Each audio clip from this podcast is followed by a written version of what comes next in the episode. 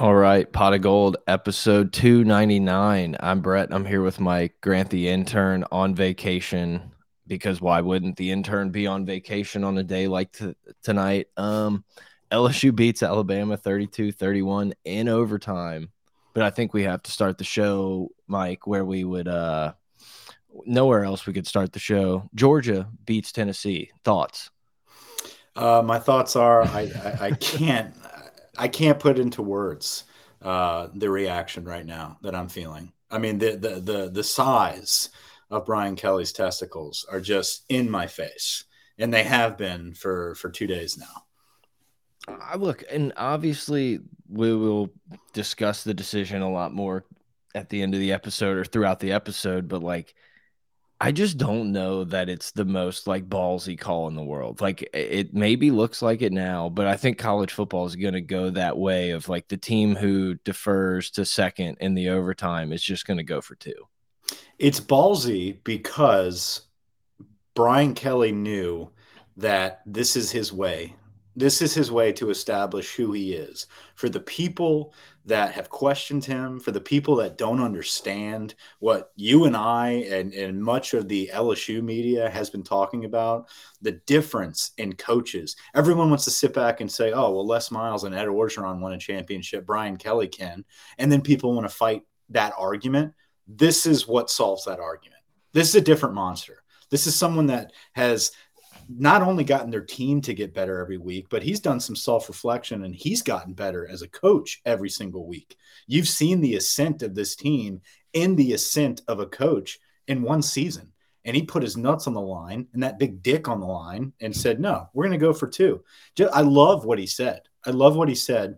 Yeah. Uh, with the response about, I know I'm running off the rails here already, but no, you're good. I I led you. I led you here. I know. I know. But when he when he was asked, you know, was it a tough decision? Was it a in the moment decision? And he says, "Listen, if you would have told me that I have one play to run to beat Alabama, um, I would have I would have taken that a hundred times out of a hundred times because I'm confident in this team.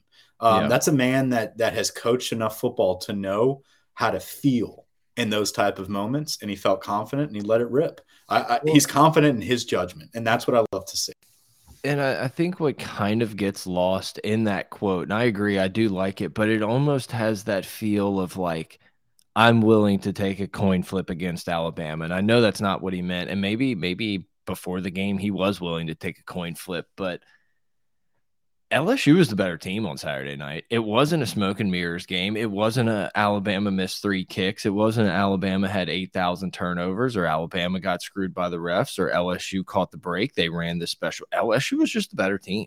Alabama didn't run a single offensive play with the lead in that game. LSU answered every time Alabama scored in the second half. I mean, it was just a LSU dominant victory. And I know it was a close game. And I think just about every game you teams are going to beat Alabama and is going to be a close one, but they were the better team. You know, before this podcast and our previous episode, we talked about like how LSU could beat Alabama. And one of it, one of those keys was field position with special teams, making sure that they have a long field. And that was going to be a, a challenge. job.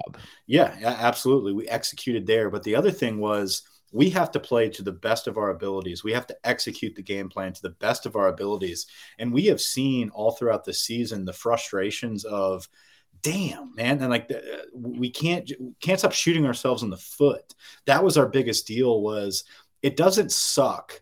Uh, losing to Florida State because it was Florida State, or getting blown out by Tennessee because it's Tennessee. It was, it shouldn't have ever come to that. Like this team is better than that. And you yeah. were able to see that all come together on one of the biggest stages in college football, uh, LSU versus Alabama, Saturday night in Death Valley, where we executed to the best of our abilities. And you see the result. The result is a better team. Yeah. Look, guys, yep. hit us up on Twitter at pot of gold, pot of gold at gmail.com, patreon.com slash gold, at gold mike, um, at Grant the intern, whatever his Twitter handle is. YouTube live right now, live on Twitch, uh, Facebook, Twitter, YouTube, all the fun stuff. If you want to join, get the comments in, do that. Uh, for people listening live, do the get some get some questions in. We'll get them going throughout the episode. Put them up on the screen. Where do you actually want to start? Because that was a that was just a little five minute five minute intro to get some people in. I can't believe that was five minutes. Um, oh, well, thirty seconds. I don't know where you start, man. Like, I, let's. I mean, this is going to be one of those episodes where we we are well, not going to be able to cover all the bases here. This is a, a simple reaction video um, after a well rested recovery day on Sunday and on Monday. Man, I, am sitting here in my office on Monday, uh, looking up flights to Atlanta. Uh, Mike, Mike's already in for Atlanta. Uh, we'll read. Let me read this uh, this little comment that you just threw up on the screen right now. We can go from there. Let's be honest here. BK thought to himself, "There is no way in the world I am putting this same. I am putting this game in the hands of Brian Polian and the special teams unit. Not going to have a Florida State 2.0. I'm sure so there was. What, go ahead. What I really, what I really think his thought process was is that Alabama had whatever it was drive in the last minute and a half that took a bunch of plays to kick the field goal to tie the game. And then they get the ball immediately in overtime. And I think it was 11 plays. It was once again, Alabama had to grind for every fucking point that they got that night. Took them 11 plays and a tip ball that they wouldn't call a tip ball to get into the end zone. And LSU scores on one play. So I think there was some of that. Harold Perkins obviously had been cramping up, and it's like, let's just end it now. Like let's I we have the play that we think we will work. It worked. Clemson ran it in the national championship game to beat Bama. We have the guy. Let's trust five and let, let's see what happens. I loved it because it's like the game was going to come down to a two point conversion. The game, it just, we just decided to make it earlier because second overtime, LSU would have scored, hopefully converted, and then Alabama would have I'm assuming Alabama would have scored. I know our defense played great, like huge shout out to House, but it's just it's hard to stop Alabama from the 25 when they have four downs. Yeah, I mean at the same time, you play the hot hand right? I mean, yeah. Jayden Daniels and company are moving the ball in Alabama at will at this point now. The physically, and that's another thing we can talk about is is how physically conditioned this team, not only conditioned wise, but attitude wise. They were thinking Mentally, the right way yep. in the fourth quarter, uh, where they knew all we had to do was keep executing our job, doing our job individually, and we're going to win. When you see the receivers in Josh Williams, one, Brian Thomas planning Eli Ricks's bitch ass on the sideline. Just, I didn't know that was Ricks until you you tweeted that or until you sent that in the message. Like, I think that was Elias Ricks that got his ass kicked on the sideline during that touchdown. I know Chef's Kiss is kind of like a trendy thing right now, but that's Chef's Kiss as it gets. Um, the Superman block by Josh Williams, like the effort that these kids are giving in the fourth quarter is something yeah. that we haven't seen in years, like it's maybe even a decade. Um, it's a um, mindset. So you you see that in in a coach that has a pulse um, for his program and for his players know that these guys get it. Like Mason Taylor's going to make the catch. He just made yeah. a tremendous catch the touchdown before. Um, he's going to make the catch. We've got the right personnel on the field. They're confused as hell. And I'd rather keep it in the hands of my offense than Damian Ramos. Like Ramos has has been good for us since the Florida State game. It wasn't even his fault. He got the damn extra point yeah. block. But the confidence in your offense was that much greater than putting in the in, the in the foot of the kicker uh, for the victory. So I love I, prom- I promise you, if if LSU lost this game 31-30 because we didn't convert, I would be sitting here slapping the table saying that I I'm so glad that he did it and that's what he should have done. Like it was I was tweeting it before as soon as Alabama scored. I'm sitting here sitting on my sofa, probably standing, pacing. I'm like, we have to go for two if we score here. We have to go for two. Like immediately, it was just like, this is the game right here. Put it on the line. And then, of course, Daniel's one play, just house call, incredible. That was just incredible. Uh, Adam Hall jumping in the chat. Sup, guys? Anything good happen over the weekend? Love it. I love all the the Texas A and M lost. Yeah, yeah. A and M lost another one. The worst season they've had since 1980. Mike um, Leach was so pissed at his players, he folded up the chairs and threw them on the ground himself, so they didn't have anywhere to sit the the biggest talking point of the weekend after the incredible performance by LSU is that Nick Saban's done. Like that is the narrative right now being floated around that this old man can't get it done anymore. We'll get into that in a little bit. Um, but just yeah. the fact that like we're not the only people sitting around talking about how deflated Nick looks and that the game's starting to pass him by and he can't listen, dude, this guy is not a professional coach. He couldn't handle the Dolphins. He can't handle the NIL era. If you can't get these kids to bow down and worship you, he's got nothing going for him. And that's what we're seeing happen at Alabama. Alabama's kids have nothing to play for.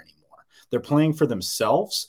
And whenever you've got a collective group of five star players only playing for themselves, you're not going to get the effort um, that you saw Brian Kelly get out of his team that has something to play for. And the fact that we were able, after a couple losses, to continue to get this team excelling and, and ascending to their reaching their potential um, with a hodgepodge of guys from the transfer portal uh, to, to true freshmen uh, to get them to be at this position in the season just shows how excellent of a hire Brian Kelly was uh, for LSU and just the potential of what this program can bring to the SEC in in the nation moving forward. Like we are not like once this for one, once the playoffs are expanded, like it's game over. Like we're always going to be in the playoffs, but moving forward, even next year, like you're going to have yeah. a top five team coming into the preseason, like right out of the gate already. Yeah, I mean Brian Kelly is going to go down as the best hire in LSU history, and Nick Saban is the best coach. Whatever. I'm not saying Brian Kelly's going to supplant him as that, but he's just going to end up being the best hire. He's going to be here longer than Saban. He may win more than Saban, but like he's the he was the only guy. He's the only guy that comes into this program and is so professional and gets this team bought into a brand new culture. And it's like the culture part, it, it, like never bothered me. Winning that on Saturday night, that's the LSU culture. Having the balls to go for it and put the game on your back. It, we don't care what your accent is. We don't care how you say family. It's like that's the type of stuff that is the quote unquote culture fit at Baton Rouge. And guess what? That culture fit probably is just about anywhere else in the country. But it's like we got one of the best to do it and it's, it's like the dudes won everywhere. Notre Dame, Notre Dame's feeling good. Good for them. They beat Clemson. I, I, congrats. That's great. Congrats. All, everybody's happy. That's fine. You beat Clemson. We are now playing our way into the SEC championship uh, on year one. Like uh, unbelievable. Unbelievable. We were sitting here talking when we first heard the news that we hired Brian Kelly. We were in studio and we talked about how this is going to change the game like if these kids can buy in to what Brian Kelly is going to teach them, he has the blueprint on how to be a successful, how to run a successful program, how to have a winning team year in and year out, sustaining success year in and year out. He just hasn't really had the dudes yet. If they buy in, this is going to take off. And by year three, we're going to be in the SEC championship and we're going to be competing for, for a playoff spot. We're doing it in year one. Year like one. that, that is I like mind boggling, mind boggling to me that this is happening in year one after a couple losses.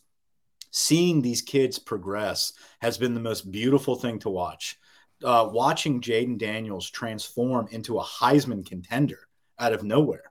Um, seeing a guy like Kayshon Boutte um, really humble himself and find his place on this team of being the steady, like under the radar receiving leader, but you wouldn't even realize that. Having having a true freshman in Mason Taylor uh, come in out of necessity because we want to have Danny Lewis flick us off after getting danced on by Brian Kelly. He's going to roll roll around, sit on How the bench. Feeling this morning, Daniel? Yeah, Shaz Preston, uh, uh, Danny Lewis, the whole groupie bunch, the whole groupie bunch. Burton flipping from Georgia after he flipped from us to ride that pine and get that groupie environment. All those cats, we had to play guys out of necessity because the groupies left and those guys have become animals for us towards the end of the season. Mason Taylor is going to be a juggernaut to have to defend for years to come.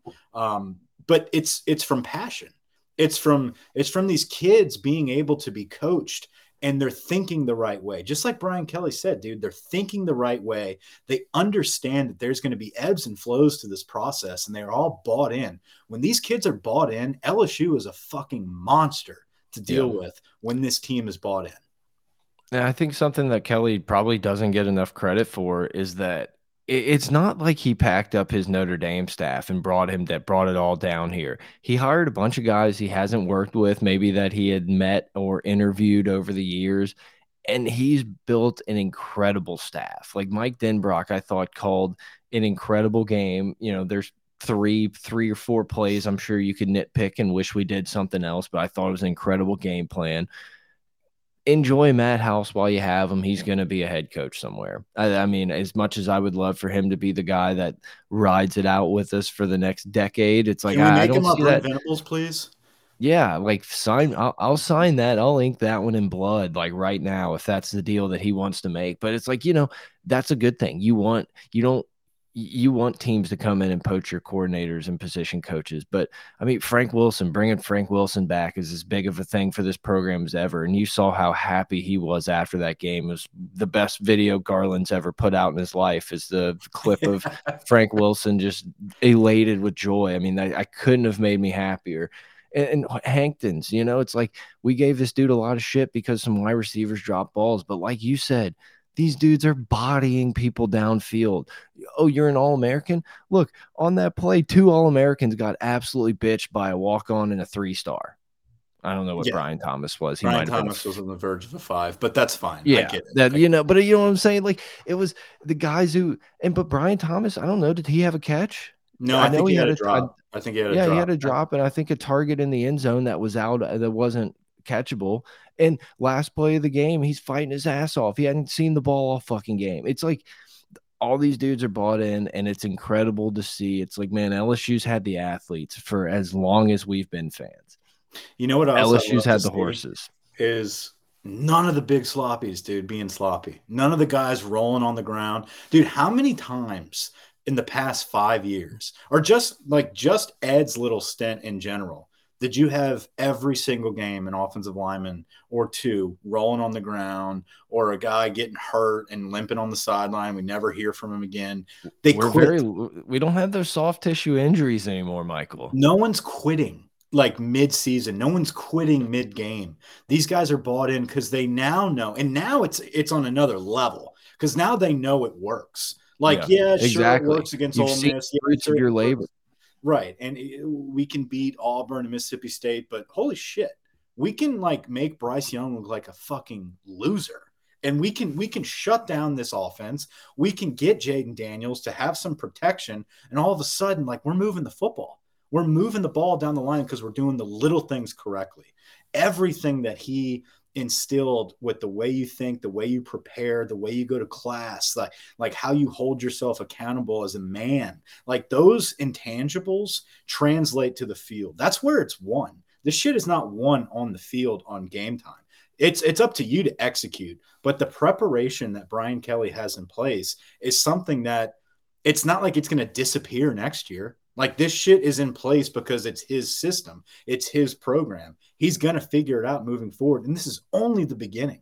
You are about to see a Flip City Christmas morning full of recruits lining up out the door trying to get a spot on this rebirth of a blue blood. Like that's that's what's going on right now. Is you are seeing if you remember back in like 06 and 07 when it was first flirted that like Saban's taken over at Bama just like Julio Jones immediately committing. Uh, you had DJ Fluker, I think was his name, uh, the, the Yeah. big lineman. Like all these big time players that are like, oh, I want to be a part of the rebuild Yeah. of of Alabama and be a part of this great coach Nick Saban and what he did at LSU. Like they're bringing it back to Tuscaloosa. Brian Kelly has kind of that same vibe of he's got a history that a lot of these kids might not really know much about, but they know he's got success at Notre Dame.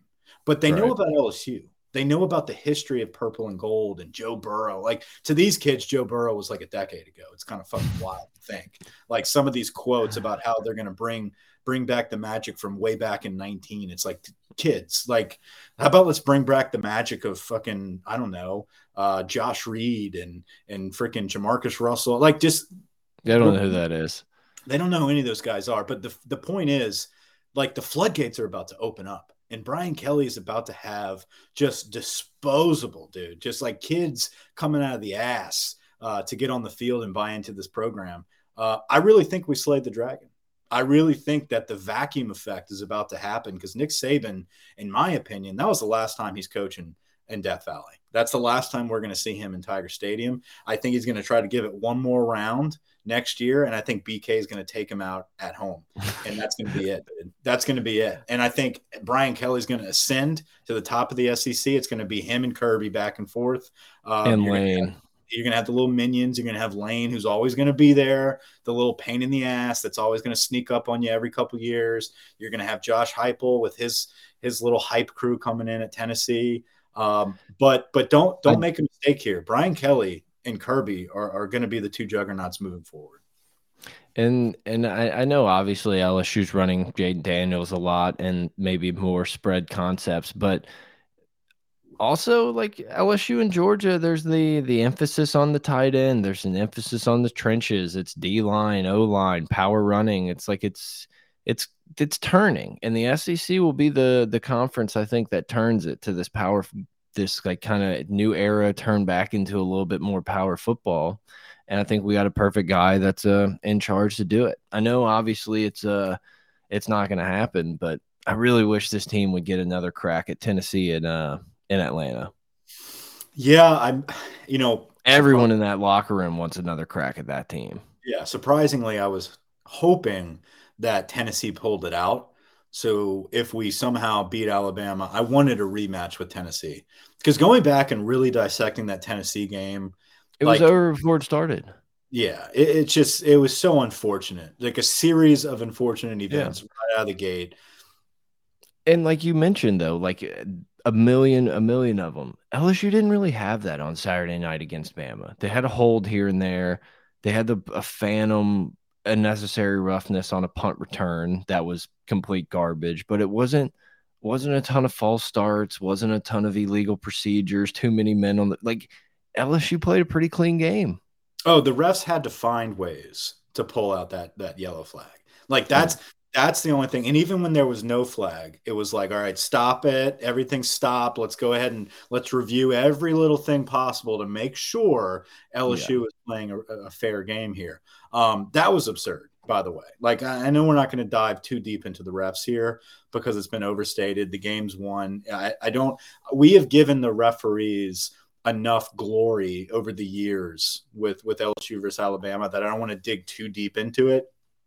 But how about a crock of shit from that referee crew on how like in intended like it was such an intended purpose to make sure that every yard we got every every time something went our way we stopped the game and we have to review this and make sure that it is legit um, but kudos to brian kelly for getting on their ass immediately like stayed in their ass right out of the gate he calmly too calmly in the beginning was like, let me talk to you. Let me talk to you a little bit. And then it, it, it gradually got worse and worse and worse until at halftime, he called a little conference with them coming out of the tunnel, had a long powwow. And then the minute that was over, I think it was early in the third quarter, they did some bullshit and he just lost it. He's like, that's enough. like, it's over. It's over. We're not doing like there's a new sheriff in town here. I'm on you guys, motherfuckers. Like, you think you think Nick's the only person that knows people? Like, you gotta get up. You gotta get up pretty early to get one over on me, you sons of bitches. Yeah, we're not. this isn't happening anymore. Like, and it was funny is because like you could tell uh. he realized it on that when they reviewed the fumble bullshit, like the the most egregious, like oh he doesn't have possession. The dumbfounded look on his face. Yeah, he was that, just. That like, might have been the. It might have been the tip. It, it might have been the tip. He was. Like you're telling me I've been coaching for 32 years and you're going to explain a new rule to me in this game during this moment, you're going to pull that bullshit? Not happening anymore, guys. Like the, letting you know, like Nick is not the only person that can have your ass and get rid of your job. I'll do it too. Like yeah. that's so comforting to know. And guess what? After all that bullshit, it was he he played it perfectly because when he called that two point conversion, he even said it in the post game. They weren't calling a pick on that. They were not no, going to throw no, a flag no, on that pick. They weren't going to start. But there was no pick. There was no pick. No, but he knew. Like, hey, I've been in these fuckers' ass. They are not about to have this stadium fucking kill them. Like, Dude. he played it perfectly. And I watched, I rewatching the uh the final possession or the, the you know the touchdown, the two point conversion on the sky cam. I just started dying laughing, imagining what would have happened if they would have had to review that, or like if they would have like you know, like there was no stopping what was happening. Like How that game was boy- over. What's his name? I forgot his name, but Saban's little assistant, the bald headed dude in the coat that was just flipping I don't know out, yelling name, at like the yeah. mall cops because they didn't stop the student body from coming over the, the railings. Like, dude, get the fuck out of here. Get in the tunnel. quit crying. Just like the- how about the- you, how about you secure Burton? That's that was the big concern. No how about you like- hold Jermaine Burton down, dude? Could have had some domestic violence on our hands. Seriously, what the fuck is Nick doing? Like, how is how is this dude? How is he just playing this guy that assaulted like multiple whatever? Like, He's I don't care. it. It's- it's he's lost over. it. Yes. it's fucking over, Michael. Like, I hate to I hate to sit here and call. Look, I I- I told you this before. I think I even texted you on Sunday. Like, I was fully prepared to just bask in the national media, sucking off Brian Kelly and talking about what a great job we've done and the nutsack on him to call that play. I, I wasn't I wasn't fully prepared for everyone to just fucking body Nick Saban, just bury him, crazy? bury him. Isn't it crazy how quick it can turn? This dude is the best coach of all time. Hasn't lost more than two games in a decade and a half. Whatever you can pull, whatever ass stat you want out of your ass for Nick Saban, and we just bury him after two losses by a combined four points. Bury him. Yeah, no, it was incredible. And like the first person to take out the shovel was Paul Fine. Paul, fucking Paul, the guy who's benefited more from Nick Saban than any athlete that's ever fucking stepped on that campus. This big eared, bald fucking Paul. And the funniest part about it was he was terrified to actually say it. He was like, "Well, Yeah. I- I've heard I- whispers. I wouldn't say lost a step, maybe couldn't find a step. Like he had no desire to actually say it, but he obviously like it was it was said more than words. It was on You- I was just shocked. We had this feeling in 19. Um, and and we had this feeling of, oh my God, like we are we are ascending and and Bama's lost their touch, and we are going to be the program of the 20s and yada yada yada. This feels so much different because now it's not about Joe Burrow. It's not about the talent. It's about the program. It's about the coach. It's about the staff. And it's so much more promising. Like I am I am so much more confident in stating and beating my chest here on this podcast now than I was back in 19. Back in 19, it was like, you know, it was like a, a 13 year old boy getting his hands on the magazine for the first time and busting one. And now you sit here and you're just like you're an adult and you finally found that perfect marriage where you're like, guess what? I get great sex and I get stability. and and I have a f- fixed interest rate on a nice condo. exactly, exactly, exactly, dude. Like it's a totally different feeling. um no, no, I, I completely agree. Look, 2019, uh, 2019, LSU walked in with the best team ever assembled and beat Bama. Didn't run them out of the building. Beat Bama, somewhat convincingly. I think it ended up being what six points, and it was like, man, it, it took LSU's best team. And look, who knows where this team's going to end up ranking in the all-time best teams of, for in LSU history, whatever this is not LSU's best team. This is a team that's uh, you know, lacking in some areas. And we just took Alabama to the shed. And I get it was a one point. I get it was an overtime, but like LSU is the better team. We're Year one. overachieving. We're overachieving everywhere. And Go watch the fucking K State Music City Bowl, whatever bowl we played in. Go watch it. That was Go last watch season. it. That tell me, last tell me that wasn't season. a decade ago. That's insane. That is insanity to know that we had But yeah, dude, we had a Put that in perspective. receiver at, at quarterback with just clowns running around. Now, bear in mind, they were our clowns and they were giving their best effort. But Yeah, yeah, at the end the of the day, we're down with the clowns, dude. Like this, this is the definition of our show. But you fast forward a season, and my God, like you're looking across the board, and they're young. They're so young, dude. Like you think about what Mason Taylor and Will Campbell and Emery Jones are going to be like, and that's just like O line, like big bodies up front. And then you we haven't Zach- got to the Harold. We haven't got to the Harold Perkins portion of the program. yeah, we're, we're missing a whole side of the football. Yeah. I mean, Harold Perkins, dude, you want to talk about somebody that is the first person, in my opinion, um, that even comes close to uh, being compared to the Honey Badger. Like when it comes to playmaking ability on defense right out of the gate, where you're just like, this is different. This is different. Now he's not going to be a guy that returns punts and and has pick sixes like crazy, like maybe like like, like Tyrann did, but the the impact that he has on defense Bryce Young wanted nothing to do with 40, like nothing to do with 40. And even when 40 was not on, like in the play making tackles, he was pressuring the quarterback. He was disrupting the timing. You had a guy like Bryce Young, dude, who we made him so rattled by just He having off. pressure. I've never seen hit- him that inaccurate. They had guys that were open and he Yeah. was not able to dime them up because he didn't have it. That's that's what like we made Alabama look like a normal team again. They weren't getting these easy, like, ooh, I'm not going to have any pressure and I'm just going to play seven on seven with the best receivers in the country. Like, no, sir. You're going to play someone in your face.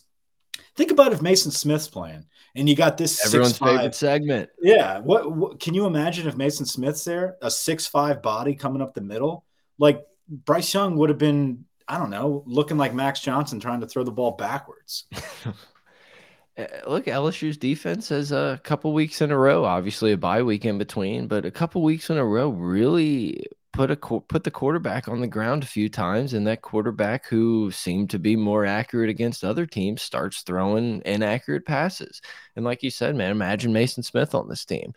Um, the D line is the Wingo and Guillory and or Roy, Dude, like these Wingo, man. Wingo's a dog. Wingo's, Wingo's a dog. the, He's only unsung hero. Yeah, he's an unsung hero on the team. I thought Bernard Converse uh, earned every DBU, LSU accolade he could have asked for in that game. I thought Mekhi Garner was great, but Converse had by far his best game at LSU at the best time. A lot of the guys stepped up and had their best games. Um, for the first time, uh, look, I'll even throw 19 in there. This the this is the closest LSU's come to dominating the trenches against Alabama that I can remember. Yeah, um, and it's only going to get better. And that, yeah, and I mean they didn't dominate. You know, I thought obviously I thought Will Campbell, Emery Jones, and the offensive line held up tremendously well, but it wasn't like they were some iron gate that no one could get through. I mean, those guys made their plays, and Jayden Daniels did a great job of mitigating, you know, losses and getting yards where he could. But I mean, it has to be the Will- best the offensive lines played Yeah. against Bama. Well, Will Anderson and Dallas Turner are probably going to be the best defensive rushers that both Right. of those kids faced their whole time here. Like, and, Right. and and listen, they they held their own. Like you said, by no means did they dominate it, but like the fact that it, it's getting kids that have the right mindset. You're going to get beat. It's going to happen. I mean, Will Campbell and Emery Jones both got olayed plenty of times. But like Yeah. Brian Kelly said, dude, the difference and what's so unusual about both of those guys is like when they come to the sideline, they can Clear and reset. verbatim tell you what they did wrong, how they're going to fix it, and how it's never going to happen again. Like they're so bought into perfection and the the journey along the way of finding that perfection. That's what's so unique about this crew is like they know that they have an uphill battle, but they are so ready to push that rock up the hill. Like they're so eager to be the ones that lay the foundation for the future of LSU football that they're willing to take the hits, the lumps, the to figure it out along the way. Like that's what's so beautiful about this season. And as a fan, I'm so appreciative that we can sit back and truly admire like the little victories along the way that equate to this type of game against Nick Saban, against Alabama, the dynasty. Like it transcends everything. Like that two point conversion, that victory, that that that play, the execution, in my opinion, is al- along the same lines as Marcell Dareus knocking out Colt McCoy. Like it is, it is one of those moments that something changes, something starts, a momentum shift um, starts to to really take over a conference, a program, um, and and I love that these are the kids that are a part of it. Just so much youth and so much, like we said, like a hodgepodge, dude. This transfer portal where they all came together and they are peaking at such a good moment right now. Like you said, dude, Bernard Converse, first drive of the game, uh, first drive of, of Alabama, uh, marching it down the field, and they were on their way. Like those little moments where you make a pick right there, if you don't pick it and they score, it's probably a different game. Just like Tennessee, Jack Bash fumbles right out of the gate. It's probably a different game. We Uh, came how many- up on top. How many times have we seen this story? LSU gets the ball to start the game against Bama, maybe picks up a first down, punts, and Bama just marches it down our throats and scores. We've seen the story every game this season. It it felt it and exactly it, it felt like son of a bitch. Is this is it's gonna happen again, and we're gonna be down 14 before we know it. Like this is my nightmare. I literally texted like the day started out, whatever, you know, watch the pillow fight that was Florida, Texas A&M and then Georgia Tennessee happens, and Georgia just jumps on Tennessee like Tennessee had no idea what happened getting off the bus. Like they they're in their second half starts. They don't even remember the first half being played. Number and I texted you guys. I texted you guys like, dear God, please don't let this happen to us. And it felt like for that first five minutes when Bama just starts, you know, chunk play after chunk play, finding this uh, tight end, and it's just like, here we go again Bryce Young gets loose. Here we go again. And then he throws a pick, and Bernard Converse comes up with a perfect play. And I think, like you said, that just set the tone for the game where it's like it, nothing's nothing's going to be free. The crowd's going to be here all night. Belief is a, is a crazy thing, man. If you believe you can do something, uh, you're going to do it. Like, and you, if you have a collective of of individuals that all believe the same thing, crazy shit's going to happen um, you're going to find those little mistakes and you got to capitalize on it. And that's what we talked about, dude. We talked about how in these games, you know, Tennessee, we had what three fumbles that two of which we could have come up with and we didn't, and the yeah. ball didn't bounce in our in our direction. You've got to come up with that against Alabama, and right out of the gate, it it happened. We came up with that pick. Um, the refs tried to pull one away from us with with the fumble recovery. That's okay. We overcame that. Um, we just came up with everything, man. Like we fought against all the odds, and it's just one of those things, man. It's like Icarus, dude, going up that hill. We got the ball, we got that rock, and we just waxing waxing gibbous. I think we is what you meant. Waxing gibbous, yeah, yeah. Who's um, yeah, not Icarus. Yeah, but the game no, Icarus you know, obviously the, the rock. Uh, yeah, I, know. I, I I remember the story. Tony Perkis, dude. Um, but yeah, the game starts off as like a defensive battle. It, it definitely felt like a little bit of a time capsule uh, LSU Bama game there for a minute. And like you said, I mean, Sage Ryan comes up with an incredible strip on the sidelines, and LSU jumps on the ball, and then we we decide to hand it over to back over to Bama.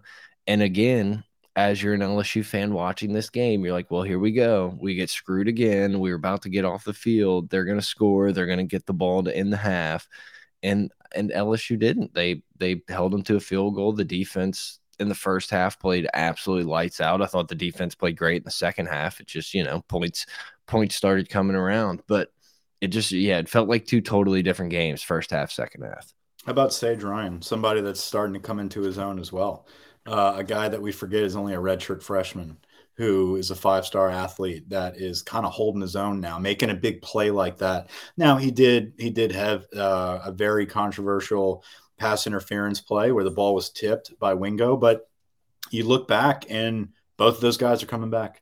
Like both of those guys in that big moment on that big play, regardless of what happened on that play, involved against Bama on the game and a program changing victory um, late in the fourth quarter. Two guys that have seen it are now going to be coming back in the fold next season.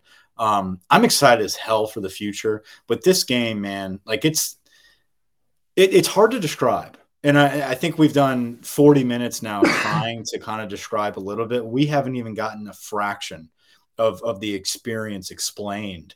Um, and we weren't even there. Uh, I, I want to give a huge shout out to the fans, dude. The fans of that stadium were were lights out from from start yeah. to finish. Like you guys, for everybody that was at the game that is listening to this, like hell yes, like you guys were fucking phenomenal, and I can't imagine uh, just that experience and that feeling. I've been to plenty incredible games uh, in Tiger Stadium. Nothing looked like that type of feeling in the fact that you had the recruits that decided yeah. to be in that number. Uh, what a perfect storm. What a perfect storm uh, for for recruiting, for the current staff, for the current roster, um, and for everybody that was has been on the fence of, oh, they might have jumped in to being a Tiger fan during the Les Miles years or mid Ed Orgeron years. This this type of feeling is is what we're used to as kids growing up and what we fell in love with and that peak LSU experience. It's on its way back. Yeah, it, it's games like this over time are what make fans, make students diehard LSU fans. You know, growing up, you had LSU Tennessee in 01 or whatever it was. Mm -hmm. Like, I mm-hmm. vividly remember watching that game in the living room, watching everyone storm the field. You know, you go up to when we play, when we went to LSU, it's like 2010 LSU beats Bama. We had some really fun Florida games. Obviously, the Florida, 20, yeah. obviously the uh, the 2011 team. A lot of those games were at 2:30, which kind of sucked. But like, you you just each kind of group of students that go through there, and I guess some students more than others, you know, get a few extra years in there. Shout out Bill. Um, you get a game or two, you get a couple games that just like, oh, this is what it is. Like I just flipped the switch from like, oh, this is really cool. I want to go to the game to like I have to be reading every blog post and, and every paid site to uh, what's what's on Tiger droppings. And a lot of that happened on Saturday night. A lot of those dudes, a lot of dudes in that stands, boys and girls in that student section, have had a pretty shitty run at LSU with the COVID year and then last year. To have something like that, it's like that's what makes these dudes fans for life. Exactly. That's what makes LSU special. Exactly. It's not about um, you know, listen, it helps when you win those national championships. Like that, that definitely locks people in. Um, but what truly sets it apart is having those experiences in Tiger Stadium, being able to be part of a perfect Saturday and and being the underdog at your home and pulling out those victories where everyone like Adam just said in the chat from start to end it was the most sustained he's ever seen it in that stadium um, being in that number if you were lucky enough to have been in that number in that stadium like you're hooked it, you're you're locked in on LSU from here on out because you know it, it's it's just like a drug, dude. Once you have that high, you're always chasing that. Everyone's going to be chasing that moment for years to come. They're going to be chasing. Brian Kelly, feeling. guess what? Brian Kelly included. Absolutely, Brian Kelly. Brian. Kelly's Brian Kelly's never played in an environment like that. There's no, not our coach. That. There's there's never been. Not many people have been in an environment like that, and and hopefully Brian Kelly chases that high for a few years. Well, and listen, hopefully those recruits understand that like this shit's not happening anywhere else. Like it, you go to Alabama, this shit ain't like that. These guys get louder crying because they're not in a national championship than they are beating uh, an in-conference opponent. Um, we we have something very unique here, where we are on the rebuild, but we're building at a very fast rate and you have a chance to be a part of it. And I think the the recruits saw that last night. Um, it's a special place, and it's a special place for a reason. Um, it, it's magical, dude, and we got to see that um, on on the main stage. You know, Herbie and Fowler talked about it, dude. Like, there's something different about this environment, and we got to see it peak, dude. We got to see it peak. So, um, but Brian Kelly, like you talked about, like we mentioned in the beginning of this episode, this dude's improved throughout the season as well. He's figured himself out where the biggest difference, and this is word for word what he says, is this is a gauntlet, dude. Every week we have to be on. Like every week, you are going through the toughest of toughest opponents that are all game planning perfectly with excellent coaching staffs. Um, that's what he's not used to. And he has adapted. He understands like what he has to do. He's not here to cash a fat check and chill. He's here to win a national championship and he understands how to do it. Supreme Rice, hell yeah, huge reaction. I love it. I love. Um, I just I knew the Supreme Rice might might catch you off guard, so I had to. No, no, it's there. great. I saw him. I saw him throw it in there. Uh, but my point is, like, it's in his blood now. Like Brian Kelly's got that in his blood now, where he knows, like, oh fuck, this is what happens when we pull off these big victories. This is what happens. At, I've been coaching at Notre Dame this whole time. Like this is what happens when these fans believe this is what it can be like every Saturday. Let's mm. go. Let's go. I'm not chilling out anytime soon. And I promise you, man, if you get the guys playing like this and playing with this amount of heart, it's gonna be like that for a Florida night game. It's gonna it's gonna be like that for an Ole Miss game. Like we don't we don't get that many of these. We don't have much else to do down here. Let's go watch people the football are, game. People are excited to jump on board too.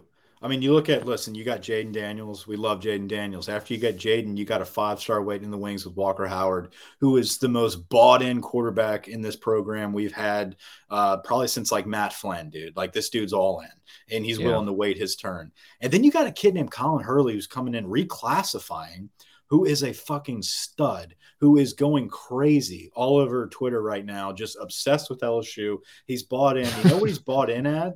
He's bought in at Joe Sloan. Are you giggling at the chat? What are we doing? Yeah, I'm sorry. At Notre Dame, the guy that was getting to the playoffs with Ben Shapiro starting wide receiver. We need to have huge reaction on the pod.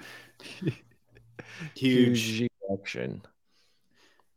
Huge erection. Huge erection. Yeah. Yeah erectile. No dysfunction on his game, dude. He's got it. He's got it going on. Really good sound nah, bites there.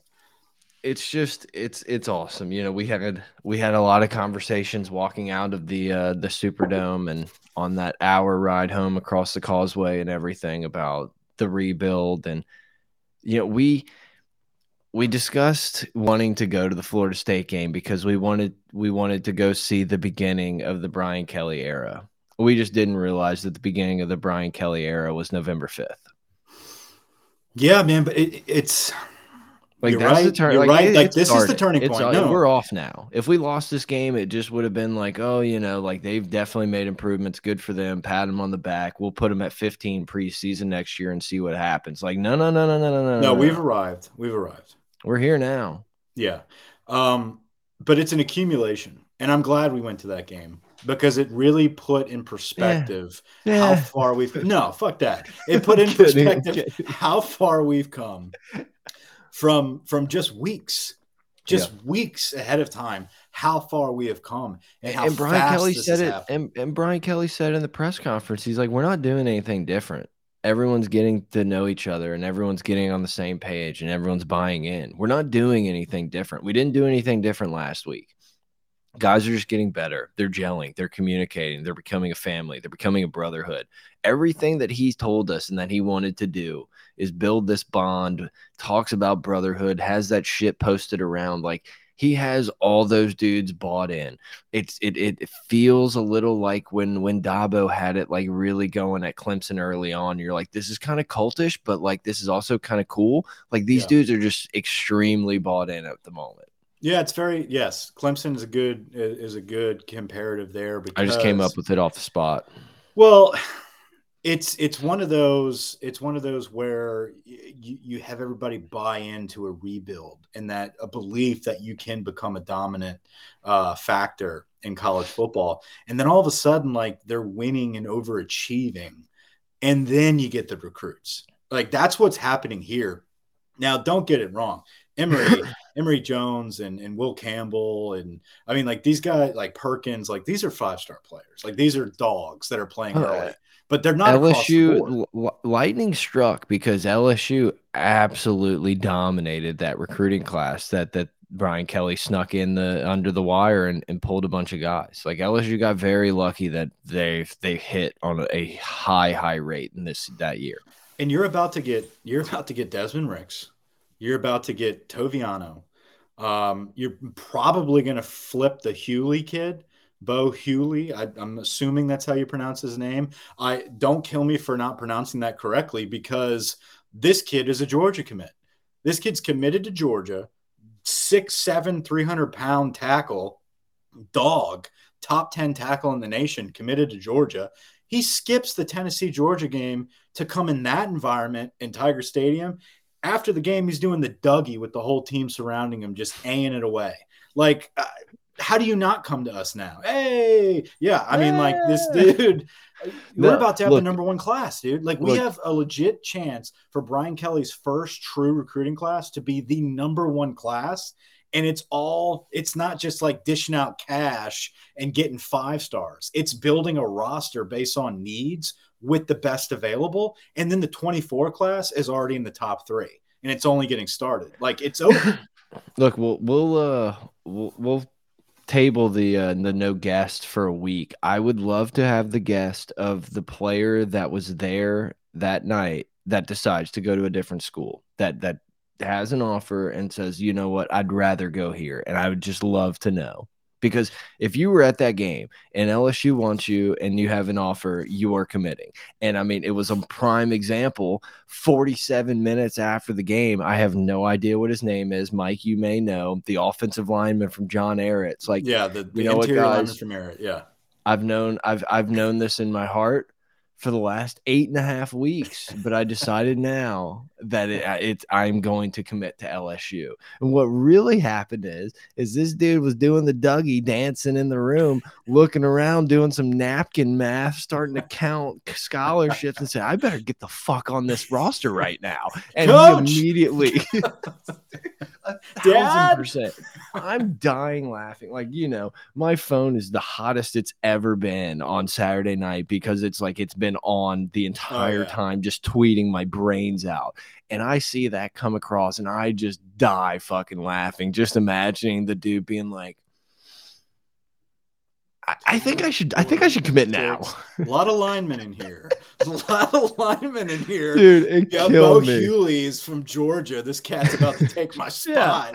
Like, It's like, oh, that dude has an shit. offer too. I need to get in before that guy. They Oh, I all got in. You can dying. tell. No, but like that's such a sign of what's to come because the first commits right after that victory were like these three star kids that are just like, oh fuck, like I have an Yeah. offer to this, like this isn't going to happen anymore after this season. Like if, I got to if I don't commit, now. if I don't commit now, my ass is gonna be in fucking Starkville, and I'm gonna be remembering this night for the rest of my life. And they probably told them that. They were probably just like, hey, this is your shot, but like this window could close next month because we're about to get like the floodgates. I'm not saying your offer expires, but the offer kind of expires at some point. No, it, Yeah, it you just- gotta be bought in. me.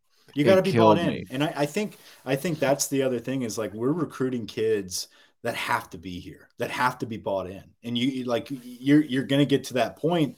Um, I would love to see like how this goes with Brian Kelly. Is Brian Kelly gonna gonna be that guy that just whoever wants in is in, or is he gonna be like, no, like you have to be aligned with what we're talking about? Because like you said earlier, like we're doing fucking mental quizzes before the games and we're we're practicing at 5 a.m to prepare for arkansas. Like if you're not on board with doing some out of the loop like out of the norm preparation you're not on this team. I'll find somebody else. I'll hit the transfer portal. I don't give a shit. And I think I think this conversation actually happened before we uh before we actually started the podcast, but maybe I'm just maybe I'm naive, maybe it's just the purple and gold glasses, but I honestly believe that there is a this is what you're getting into if you sign up to come here. If you don't want to do this, don't like we're telling you now. If you don't if you don't want to do this, if you don't want to put in the effort, if you don't want to go to class every day, if you don't want to wake up at 4 a.m. to to go run in the cold when we're not playing for six more months, don't come here. And I, I just I think and I think having a guy like Frank uh, is a staple of what you do. We can call Bill Polian, Brian Polian, Jeff Polian, Jeff Saturday, the special teams core or the uh, recruiting coordinator. Like Mhm. this is this is Frank's the man. Dude, And I- Frank's, I gonna, trust in Frank's Frank. going to own New Orleans. He's going to get all those kids to come to LSU. It's already starting. If you just go filter the state's top recruits for 2024, um, A lot not- less A's. Yeah, like you're not losing any of those kids now. Like you're, you're lot- going to yeah. just take your pick. a lot Um, less scarlet letters across that board. And, eh, I, I once again, man, this is not we're, this is not a podcast to bury Nick Saban. That that's for another day entirely. But USC popping up, we're going to stop getting the Bryce Young California quarterbacks at Bama. Yep. We're going to stop going into Miami. You know, maybe Miami. Who knows what's going on there? But maybe we're not going to be able to dip into Texas as much. you're not plucking LSU Georgia kids. Look, Brian. Yeah, exactly. Brian Kelly. Uh, I I think Brian Kelly had a very good statement. This might have been before the game where he was talking about how it's like the whole like build a fence and don't let anyone leave is just not the way it is anymore. But we're gonna win more than we lose in this state. yeah, And I think that's happening a few other places. And look, man, this is not Alabama's still going to be Alabama. It's like uh, Alabama slipping and, and being down is still better than all teams, but let's say six, yeah, absolutely. four, five, you know, I mean, they want to Eh, fire Nick for two losses. Like, which I want to fire Nick for two losses too. So I yeah, can't get really. um, no, it's just, it, it's awesome. Um, It, it just doesn't feel fluky. And, and, I know LSU could have lost a few games, and it's like we didn't look great against Auburn and all these things, but it, it's just really it feels like it's been done with like hard work, buying in, and doing the fundamentally doing the the right things day in and day out, and it's starting. We're starting to see it more on Saturdays. When you've got guys like Josh Williams, former walk on, turned scholarship, really He's only a junior, relied heavily upon yeah, relied heavily upon on a crucial third and long. Not long, but I don't know what it was, like third seven. Third and seven. Like it was um, third and um, seven. It could have easily been fourth and six. Yeah, and this dude just muscles through a five star that's trying to, from Alabama that's going to arm tackle him, and he's like, "No, sir, the game's on yeah. the line here. I don't give a shit how talented you are running through this arm tackle, and I'm getting an extra yard. And he kept pushing and churning those legs. How about John Emery staying in bounds with Mr. High Step, dude? Like I, he loves it. I think it's so unnecessary, but I love watching it. No, it's yeah, like, it dude, works. what are you doing? yeah, somehow it, it works, dude. It's so slow too. It's like it's so slow mo. It's a little. But do you see how low his head goes? Like that, how how low his body bends. Yeah. To to exaggerate it, it's pretty wild. But like, John's due for a couple of those a season, right? Like where it's just like, whoa, like John Emery. Yeah. It'd be cool if like now from here on out, it's like every game you get one of those wild John Emery runs. Um, but you don't need it because you got guys like Josh Williams and you got guys like Goodwin uh, getting those tough yardage, tough yards um, and in good situations. You got Cain now returning kicks, a sure-handed guy that's kind of a little bowling ball. Good for him. Um, everyone has found their place now, and we're peaking at the right time. And it, it feels like, and obviously you don't know, and, and like we said, there could be kids that transfer out after because of playing time and everything. But it feels like the the team everyone on the team is comfortable with their role and understands their role, and they're not. Kayshon Boutte might be the most bought in guy on the team, which is something incredible to see that I would have never guessed six weeks ago. Um, right, but he and he quietly had the most receiving yards of the night, but because yeah, he's so clutch. Catches, we right. extended a bunch of drives. Didn't have a thousand yards. Didn't have a bunch of touchdowns, but he extended a few drives for us and made big plays. Just like Malik Nabers, dude. Acrobatic catches, high pointing the ball, getting separation on bitch ass Ricks. It was beautiful, dude. Like just it was amazing to see these guys performing uh, to the most of their potential, and it's only getting started. That's that's what if, I can't stress these, enough. Is this is if all these dudes started. come back, if all these dudes come back, this started. offense is going to be nasty next year. Like Daniels with like the full, you know. Think Put all your money on Daniels to win the Heisman next season if he comes back. Yeah, it's like you know, uh, let's let's table some Joe Burrow comparisons, but like think about the the jump that Joe Burrow made from 18 to 19 where it was just about a lot of it had to do with gelling with receivers and I know they put in a million hours of work and he had two of the top 3 wide receivers in the NFL on his team, but Jayden Daniels is just going to be ripping the ball all across the field to if Brian Jayden, Thomas, Nabers, and Taylor, and you know whoever else. can figure out a deep ball, it's over. If he can figure out the deep ball, if he can start taking deep ball shots, over the top type of offense. And I, and I think that helps that our offensive line's probably going to be able to hold up for another half second to a second every every play next year. The entire line's coming back, and then you're going to have depth after that with Zalance Heard, um, pot, you know DJ Chester, possibly this Bo Hughley guy. Like it's just loaded, man. And you're going to have a plethora of tight ends. We already were crystal balled for uh, Trey'Dez Green, who's the other big time tight end, number two overall tight end in the nation out of East Feliciana. Um, it's just unreal, dude. Like it's about like every year that we we looked at those recruiting classes and we're just like, damn, dude, if we could have gotten if we could have gotten this guy to stay home, or if we could have done like it that's happening again. Like we're going to get to that point where we're building those classes where every time we had a couple of those back to back big classes of those in state kids, we end up competing for championships we're about to be at a point now where like that's going to be the norm every single season. And it started Saturday. Like it, it, it, didn't start. It started when you hired Brian Kelly, but the turning point, like you said, dude, the turning point, the catalyst started um, with that two point conversion. And I, I am so excited to watch this unfold. NFL Sunday Ticket is now on YouTube and YouTube TV, which means that it just got easier to be an NFL fan, even if you live far away. Like maybe you like the Bears, but you're hibernating in Panthers territory. But with NFL Sunday Ticket, your out of market team is never more than a short distance away. Specifically, the distance from you to your remote control. NFL Sunday Ticket, now on YouTube and YouTube TV. Go to youtube.com slash presale to get $50 off. Terms and embargoes apply. Offer ends 919. No refund. Subscription auto renews.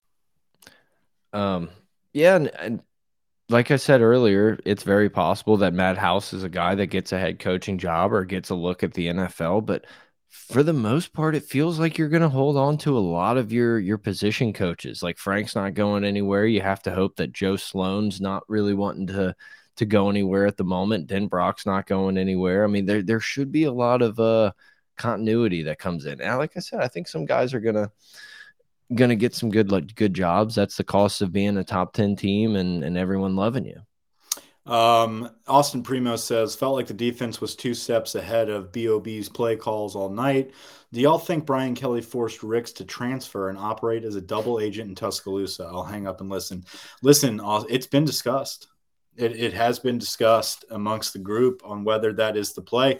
And listen, um, we've got guys like like Brian Kelly throwing out some double agent shit with Ricks. We've got Scott Woodward uh, setting up A&M with some disastrous contracts with Jimbo. There's a lot of conspiracies that we can talk about, all trending in our direction. But in all seriousness, going back to what Matt House did to de- defend uh, this very talented Alabama offense, and I hate, man, I hate Bill listening. O'Brien. Oh, yeah, sorry, Bill O'Brien's no, offense. Um, no, I I know. I, when you said I hate, I thought you were gonna say Bill O'Brien. No, no, I hate the fact that everyone's sitting here and being like, "Oh, well, this is like the worst. This is the worst team Saban's had in a while." Blah blah blah. The motherfucker came out and said last year was a rebuilding year, and this is the year. He's got Bryce Young, which everyone knows is the best quarterback they have ever had. Don't tell me this is all because Bill O'Brien. This is because they're getting their ass shut out by teams that want it more. Nick Saban cannot get his kids to play with effort anymore. Bryce Young is a good ass player. I see him in the background. I'm I don't. I didn't mean to do that. I don't know what he's doing. I, and like the only people I can see this are the YouTube people. Um, but no, I, I I do think a lot has to be said about how Matt House has gotten his transfers in the defensive backfield with Kerry Cooks and Steeples coaching up these DBs like Bernard Converse and like Garner to step up and play fucking physical football against the best of the best. They're not scared of shit because they trust everyone around them. When you can trust your peers, you can trust yourself to make those plays as well. Converse played like an All American. Um, uh, Garner was coming up, just smacking people. Those guys are going to be draft picks. Like yeah, they're Converse not going to was be the here best. next season. Converse was the best defensive back on either team last night. It was so without fun question. to watch. Strong arming people, like uh, being in position. And then Brooks had many times, number seven on offense for Alabama, had many plays where he could have come down with the reception. But at the last second, Converse is in there with his big hands and moving the ball out of out of his possession. I mean, did the final drive, the final drive where they were moving the ball, um, where they were probably on their way to score. Instead, they settled for that field goal that ended up eventually putting us into overtime. But they could have been marching the ball down the field there within the 10 yard line, but Converse comes up with another big stop. Like it was just so beautiful to watch. And how about Major Burns, dude? Major Burns gets beat and then tracks the dude down all the way down the field, hauling ass with his neck brace and all. It was beautiful to see as well. Just the effort from these kids is the difference in the programs. It wasn't about talent. It wasn't about just coaching. It was about the effort that these kids put into this game. And LSU by far had more effort. Yeah, hundred percent. You know, Major Burns definitely looked a little bit rusty out there, but you could see he was he didn't give up on the play and he tracked him down and LSU held him to a field goal. And instead of once again, we've seen so many times where Alabama just scores a touchdown there and has the big play. And it's like, well, shit, let's see if we can come back. And this team just didn't really allow it. And, it was just, I've said it probably five times on this podcast already. It was just fun because LSU was the better team. It just wasn't fluky at all. LSU didn't get the benefit of the doubt on any call. You know, Mekhi Garner absolutely sticks the wide receiver a good half a yard behind behind the sticks and we give them a full extra yard, like, nope, move those chains. It's like, what? We're not going to catch anything tonight. And it didn't matter. Yeah, huge erection coming back in with the comments talking about how Brian Kelly he understood exactly the the leverage that Major Burns um, had in his little mishap and where he was playing. I mean, the fact that your your head coach understands safety play mid game, like the dude's so the dude's brilliant. He's he's a he's a football. Apparently, genius. everyone thinks that everyone thinks the LSU culture is to have a coach that doesn't fucking know anything. You right, know? that's It's the like- fit that we need. We like we're supposed to have a fucking Rougarou on the sideline or somebody that just like is eating grass like that. Like that's not happening anymore. Like you've got a Uh. dude that understands football and sees the potential of this program because of the recruits that he can get. And the pa- it's not just the recruits, dude. It's the recruits that want to play for this state. And that's what he was saying. He's like, it's crazy. I've never been around a group of guys that have so much pride and that that have a fire for their school. And that's that's rare. It's rare to find when it's not already established within that four-year window of those players. Um, so pretty incredible to see um, the focus and the fire that these guys have and the determination to get better and better is why I'm not really that concerned about Saturday. I know it's supposed to be a trap game. I know it's freezing. We're playing at 11 o'clock. We just came off an emotional victory. They just lost to Liberty, yada, yada, yada. Everything on paper says trap game. But if you're paying attention to LSU, if you have followed this team from start to finish, this should be a dominant victory. Yep. Yeah, I agree. I, I mean, we can definitely talk about some of the stuff he said in the press conference today about that, but I feel like we have to circle back to Harold Perkins. Harold Perkins hasn't been talked enough on this podcast yet. Um, He's the best. He's the best player on the field. He is somebody that is you can't have off the field. He will be making plays uh, in your sleep, dude. Like I can't go to bed without seeing those those beautiful gold teeth, the the the the hair in the face, the number 40, the swagoo, the burst, the acceleration, the closing speed. Just it's so different. It's so different to see this from somebody that just was just playing high school football. And this dude is dominating guys like Bryce Young, who is the escape artist of the century. And he's sitting around making him look look foolish. Like he is in his face every play. There is no better quarterback spy in the country than true freshman Harold Perkins. I've never I've never seen anyone play the spy like he does. Like he has the ability to kind of get get in and almost hide himself at the line of scrimmage, but he doesn't really like get into contact. And That's why I want to play freaking Tennessee again, dude. I want to don't tee off on know. Hooker. no, I don't know if it's possible for Harold Perkins to have a bad angle. Like I, I think he's so fast and athletic that there's no such thing as a bad angle. Like I was sitting there thinking about watching while watching the game how Jayden Daniels makes a lot of guys take bad angles because he's so deceptively fast. And on the counter side of the ball for LSU, Harold Perkins, it, there's it doesn't matter what the angle is.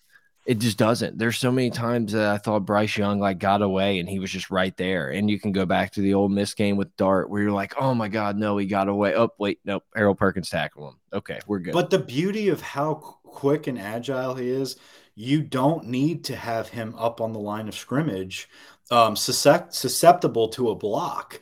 Like he's so quick that he can hang out way back behind the box and still close in behind the line of scrimmage without being touched. Like it's it's really really incredible to watch, and that is like elite level stuff. That's stuff that Yeah. like scouts look at for juniors that are on the rise of being high draft picks. And this kid's got two more seasons with us to keep improving. Like this, like he's going to keep improving on what he has right now. Because Brian Kelly talked about it. There's so many plays where he comes to the sideline and we have to be like, my God, Harold, like, no, this is what you're supposed to be doing. But like somehow, like we can't, like we have to keep him on the field. But just like knowing that, that just means how much better this kid's going to get throughout his time here is we're going to be able to do so much more than just hey play backyard football brother like no like here's some assignments let's scoot you inside and now let's have Quency Wiggins and and whoever else we're going to be loading up next season around the outside it's a wonderful issue to have of trying to figure out where to put Harold Perkins. At some point, someone will tweet out the 2021 2022 LSU Bama game had this many first round draft picks, this many overall draft picks, and it's like Harold Perkins was the was the guy that stood out amongst them as a true freshman. Like that's what we're gonna look back on and see. Like it, it is truly remarkable. And you know, it's like Will Campbell, Emery Jones. There's gonna be a lot of young guys that will be on that list. But it, I love I love the beginning of the year when people were just like, yeah, Harold Perkins, he's probably not that happy. I think he's going to transfer to Florida like he where he really wanted to go. Or, you know, do you think he regrets not going to Texas A&M with Jacoby Matthews and the rest of the do guys? think so? Like, can we take that straw poll now? Your boy is freshman defensive player of the week. He's going to be fucking winning the Butkus every year. Like th this dude is phenomenal, and he's very happy you and I had the privilege of of sitting in the uh, the Georgia Dome before it was the new Georgia Dome and watching LSU play UNC and have this little bitty scrawny number 14 kid play nickel nickel corner that day. Tyrann Mathieu. And he looked different. yeah. And it's like I don't know. We've had some guys come through. We can talk about you can talk about Devin White and all everybody else, but like Harold Perkins is that guy that just looks completely different. It it looks like they put an AI simulation out onto the screen in one of the spots. Like it, it just it looks different. That's all I it's all I got. Oh, Brian sorry, Kelly not SEC Freshman of the Week, SEC Defensive Player of the Week outright. Beast. You're right. Yeah, my bad. Uh, SEC Freshman of the Week was actually Mason Taylor. Um, and, and you know Mason Taylor, dude. Mason fucking what a, Taylor. What a catch. You know, we talked about the uh the Josh Williams third down, third and seven run where he got tackled at best at the line of scrimmage, threw the dude off, gets eight more yards, and sets up a first and ten. The whole time, that whole stretch, I think, you know, we both I think tweeted something out about it where it's like I think everyone was very confident that LSU was going to score whenever it, it was uh 21 17 i guess it was. You talking about taylor's touchdown in the corner? the touchdown before yeah. Ridiculous. i think we all it was one of those like we've been here too many times. Like lsu has been in this moment. I'm so sure that we're going to score a touchdown. You get a nice big long run by jayden daniels and then you get the pass interference to Boutte and you're starting to think like, oh shit, like there's way too much time on the clock. Like, thank yeah. God we didn't catch that ball and it's first and goal. And then all of a sudden you're sitting there at third and seven before you can blink, and you're like, oh my God, no, no. Like I wish we would have scored. What happened? Pick up the first down. And instead of trying to bleed the clock, instead of trying to do anything, they just said, Hey, Mason, Mason Taylor, go to the go to the pylon I'll throw it to you. And just absolutely came ball. down. Perfect ball. The only person catching that ball was Mason Taylor. NFL catch, two feet down, never a bobble, never. I don't even know if they reviewed it. It didn't need to be reviewed. A touchdown catch in the student section. Like, what a moment. And then immediately, though, you're sitting there thinking, like, well, that's too much time. Yeah. Yeah. And very true. And um, the defense did. I thought the defense did fine. You know, they they held up. It's like Alabama's Alabama's getting a field goal on 120, 138. Uh, you know, almost every defense in America outside of maybe a couple Oh, it was Yeldon all over again. It was, oh God, here we go. What year was it when we kicked the ball out of bounds? Right when we had like every yeah. single time that we have been in these games where it's like, nope, we finally overcame the monster and we're we're gonna pull this one out. We do something stupid or they do something miraculous, and it's like, oh yeah, Bama whipped your ass again. It's like, no, sir. Like we finally flipped that script, but it looked like it was on its way to like I've seen this before. I've seen this was, bullshit before. I was so in my brain about thinking about Alabama scoring a touchdown that Bernard Converse knocks the ball away on the third and 10, whatever. And I'm I'm dying, sweating a fourth down play for all the marbles. And then I see the kicker on the field. It's like, oh my god, they're actually they're kicking it. I completely like in my head it was just like touchdown. They're gonna score bust. for the win. Yeah. Yes, yes, and like the field goal like never was really in my mind, and I couldn't tell you how happy I was to see that kicker. I'm glad the kicker made it. Like I'm glad it wasn't oh we they missed a kick and like oh well they you know threw a pick and missed a kick and that you know oh, that's the reason they lost. Like and overtime was overtime. You know, I thought the defense once again. I thought the defense played great in overtime. I think it was 11 plays from the 25 it took Alabama to score. They had to score on third and goal because we stuffed them twice at the line of scrimmage after the PI. It's just like this defense gets better every week, dude. Like that's yeah. why that's why I like call me crazy that I really think we have a chance against Georgia in the SEC championship. Like with the way this defense is continuing to to improve, where offense is continuing to improve. Like you get to those big stages, anything can really happen. Um, yeah, I um, mean, has Stetson Bennett been really good for the for a while? Yeah, is he susceptible to maybe a turnover, throwing a pick? Like, yeah, yeah. like do we have an answer for those big ass tight ends? I, I don't know, but we'll, uh, you know, we'll put a plan together. Can we talk about how much time, how much different a bye week is with a coach that knows how to prepare? Like, uh, give us some time. For, uh, actually, the SC championship is like yeah, we don't get week. a bye week, but but the point still stands. You've got a coaching staff that knows how to prepare. So anything can happen. Yeah. Uh, you know, L LSU, I, I, don't I don't know. I would argue that LSU had the better coaching staff on Saturday night. I'll take Denbrock over Bill O'Brien's bitch ass any day of the week.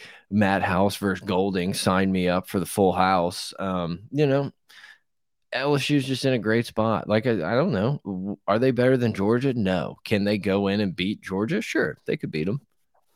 Like Lamar says, UGA's defense will have to fuck around and find out. I love it, dude. I love the confidence right now. I love it because it's true.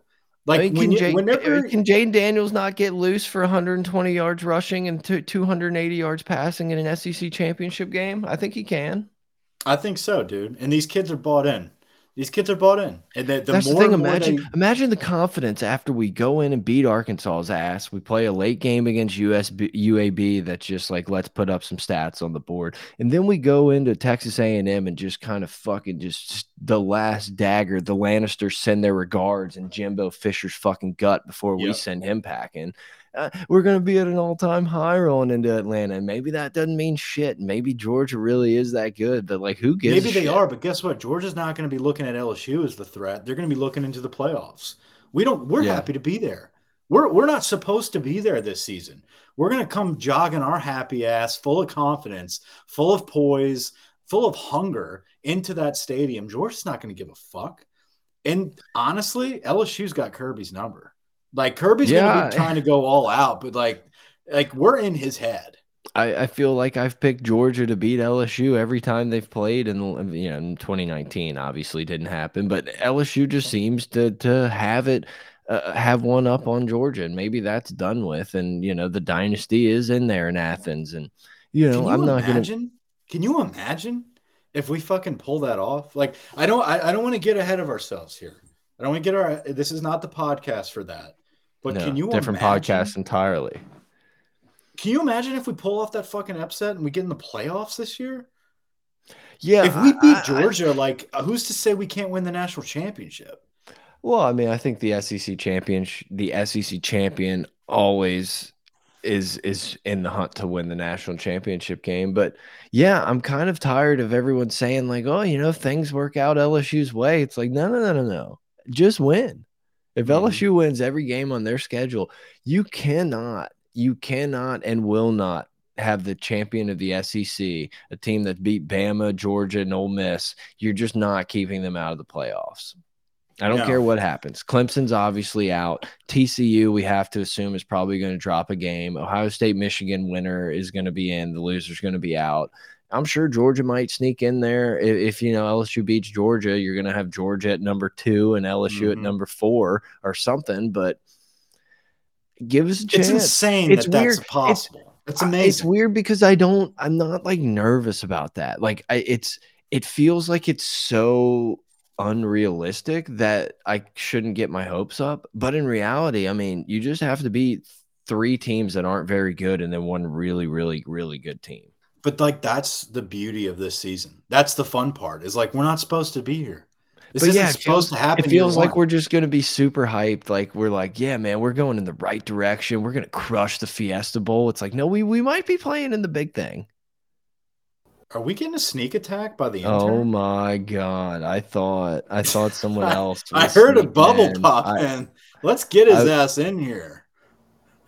Look at this guy on vacation. welcome. On Yeah. vacation, putting in the hours, coming in on his time off. Uh, How you feeling, Grant? You've been watching? You've been listening? I just started listening like ten minutes ago, and then you sound awful. that's my voice. Yeah, that's from the game.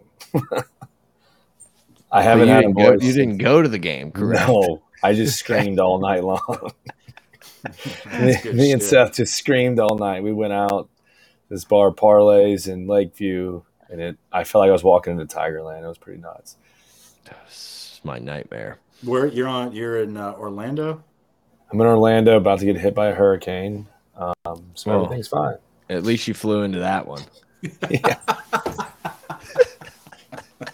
I did. I mean, you know, nothing can stop you from seeing your work. What uh okay. Anyway, um yeah, so we're at a, about an hour and 20 here and we've been going off the rails just sucking off Brian Kelly and Harold Yeah, we, we've got Perkins to the point where now we're just like dreaming about the playoffs. That's where I we're know, yeah, I heard winning the that. I national heard- championship. I heard that, and I was literally just explaining to Sam, who I work with, um, that the scenarios, and he's like, "I guess you're right." And it was the same thing. Like I, I heard what y'all were saying, where it's like obviously the winner of the SEC, SEC West, like if LSU wins out, they go to the SEC championship and they win. LSU is in, and I think Georgia is also in. Yeah. Yes. It- but if you don't if you don't put the winner of the SEC championship in, it's just a complete fraud. Like the entire it's a joke. system is just a complete fraud if you don't put the winner. This year's I different like, too. I mean, I Get get- rid of all conference championships at that point. It, well, it's different because LSU would be the first two loss team, but Yeah. I feel like it's different because like Clemson, Oklahoma, like some of those usual teams that are hanging around aren't going to be there. And you're not going to have Hanging you're not going to have two um, two Big Ten teams like Ohio No, State. but you just look at the body of work. both- You look at the body of work. Alabama Exactly. Alabama holds more weight when it comes to to like your power rankings. You beat them. I mean, fuck, dude. Tennessee beat them and they catapulted to one. Like beating Alabama holds a lot of weight. And then if you win the SEC championship, beating the number one team in Georgia, there is no shot that they keep you out of the playoffs. And and with that being said, though, dude, like you've rolled through the toughest teams that you're ever going to face. And uh, what are you going to get Tennessee again? Hell yeah. I welcome that matchup. If we go into the playoffs rematching Tennessee with a month to prepare, like have Harold Perkins on the field spying fucking Hooker, let's roll. I think Poor they're out. Tennessee is what it is. Well, if, if, if not LSU wins, chance. Tennessee's out.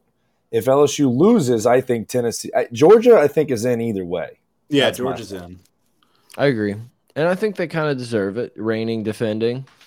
And, Oh, and they doing look what they like the did best to team. They look like the best team. Yep. Yeah, um, Have y'all I- talked you about know, I- Arkansas at all? a little bit, not much, but There's yeah, I think Mike. M- Mike kind of mentioned it. I think earlier, but I kind of had this revelation listening to Brian Kelly kind of talk about the process and how like we didn't really change things up. These guys are just coming together and getting better. And I started thinking about a 12 team playoff, and I was just like, well, we're always in this bitch. Like you're telling me Walker Howard and company in, in two years isn't going to be the 10th best team in the country and have a roll of the dice. Like, yeah, we might lose our games here and there, but it's like, it's obvious that this, that this coaching staff, this training staff, whatever Jacob Flint is getting paid, it's not enough. Triple it, do whatever you need to do. Literally, I would consider actually donating to TAF if it, if I knew it went directly to Jacob Flint's salary. But- and Will Stout salary. Pull his yeah, ass Will out of Hollywood. bring him back. But we're, we will LSU under Brian Kelly will always be in the mix, always. And Saban's dead. And it's yeah, but and it's because of the process that he he has instilled, and what we talked about Grant earlier is with that process and with that preparation and nothing changing. That's why I'm not too worried about Arkansas because these guys have a mission. They understand what's at hand. And like Brian, dude, on the field, being mobbed by the entire state of Louisiana, Brian Kelly still mentions that like we have to prepare for Arkansas. We like we have to maintain the course. Like the dude's on a mission year one to let everyone know like you're gonna fuck around and find out. Like this is well, LSU football. This is my program now. This is not Notre Dame. Like we're winning championships, and that's plural. Well, and you know, friend of the program, guy that won't get out of my DMs, Matt Moscona, asked the first question to the press conference, and uh, ask him, "Is this the biggest game you've ever won?" And and you know, maybe it's it was a cheesy answer, and maybe you know whatever. Brian Kelly said the biggest game I'm going to win is the national championship at LSU. And it's like he's just he's he's laser focused and I'm sure it feels really good. I'm sure he thought that there was zero chance that he was going to beat Alabama uh, you know after Florida State loss or maybe even after the Tennessee loss and to be where we're at now and I think he he understands that like not only can he get the players, not only can he get them to execute, he's got the best 12th man in the country and with that stadium behind him. And, I think he's the, as motivated as ever. I think his, Brian Kelly's confidence has to also be coming from like the buy-ins there. Like it has been complete buy-in, which is that's just what I, that's the and, craziest and that's the part about this team. And that's the thing that worried me with Brian Kelly coming in. It's like obviously this dude knows how to build a program and knows how to do all this stuff, but like when this guy from up north comes in and decides to want to get all these dudes that have been, you know, in Baton Rouge and New Orleans and everywhere else, it's like, hey guys, you got to wake up early to take this this quiz, and then we're gonna need you to do this. It worried me that some of these guys be like, yeah, ah, fuck that. Like I, will just go be a second round pick and and go make a living and figure it out. And it's just that hasn't been what happened. There's been great leaders on this team, it, it's not all Brian Kelly. It's not all the coaching staff. I mean, you have to have leaders like BJ Ojulari and Ali Gaye and and Josh Williams and Jayden Daniel. I mean, you know, go down the list. Kayshon Boutte has turned into a leader on this team. You have to have you have to have more than just a great head coach and you got to have a lot more than just like a, athletes like they all have to be together and that's what's happened right now well and then brian kelly first mentioned that when he was hired I, I think we have been so consumed with Les Miles and Ed Orgeron where we highlight the player first and we we lost focus on what a true program looks like under great leadership and a head coach. One of the first questions they asked when he first got the job was, you know, what, what are your first impressions of Kayshon Boutte? And he's just like, I mean, he's good. He's a good player, but like this is a team. Like where we're like no one is bigger than this program. Like no one player is going to outshine anything, and everyone's got to get on board or they're going to get out. It's plain as that. Like you'll see that this works, and I'm going to yeah. prove it to you guys. And it was a, it was a. You guys might cry and be upset if Kayshon leaves, but if Kayshon leaves, the sun's gonna come up tomorrow, and L, and we're gonna have more people, a more percentage in the room of people that bought in. And it's like obviously it's great that this dude bought in, and it's like we we can stop singling him out because he's just not not been that guy. Um, but you just have to have a lot of guys buy in, and you got to have a lot of guys hold each other accountable. You know, it, it was a couple weeks ago, everyone was laughing at LSU because they've had their second, uh, you know, players only meeting in eight days, and it was like, well, obviously the first one didn't work, and it's like, well, guess what, man? There, there was some, there was some accountability in that room, and, but that just that just shows up. you. That just shows you though, like the focus went from. Are, is Kayshon Boutte going to buy in to what Brian Kelly's selling, and, and and how are we going to be able to feed him more targets and get him the ball more?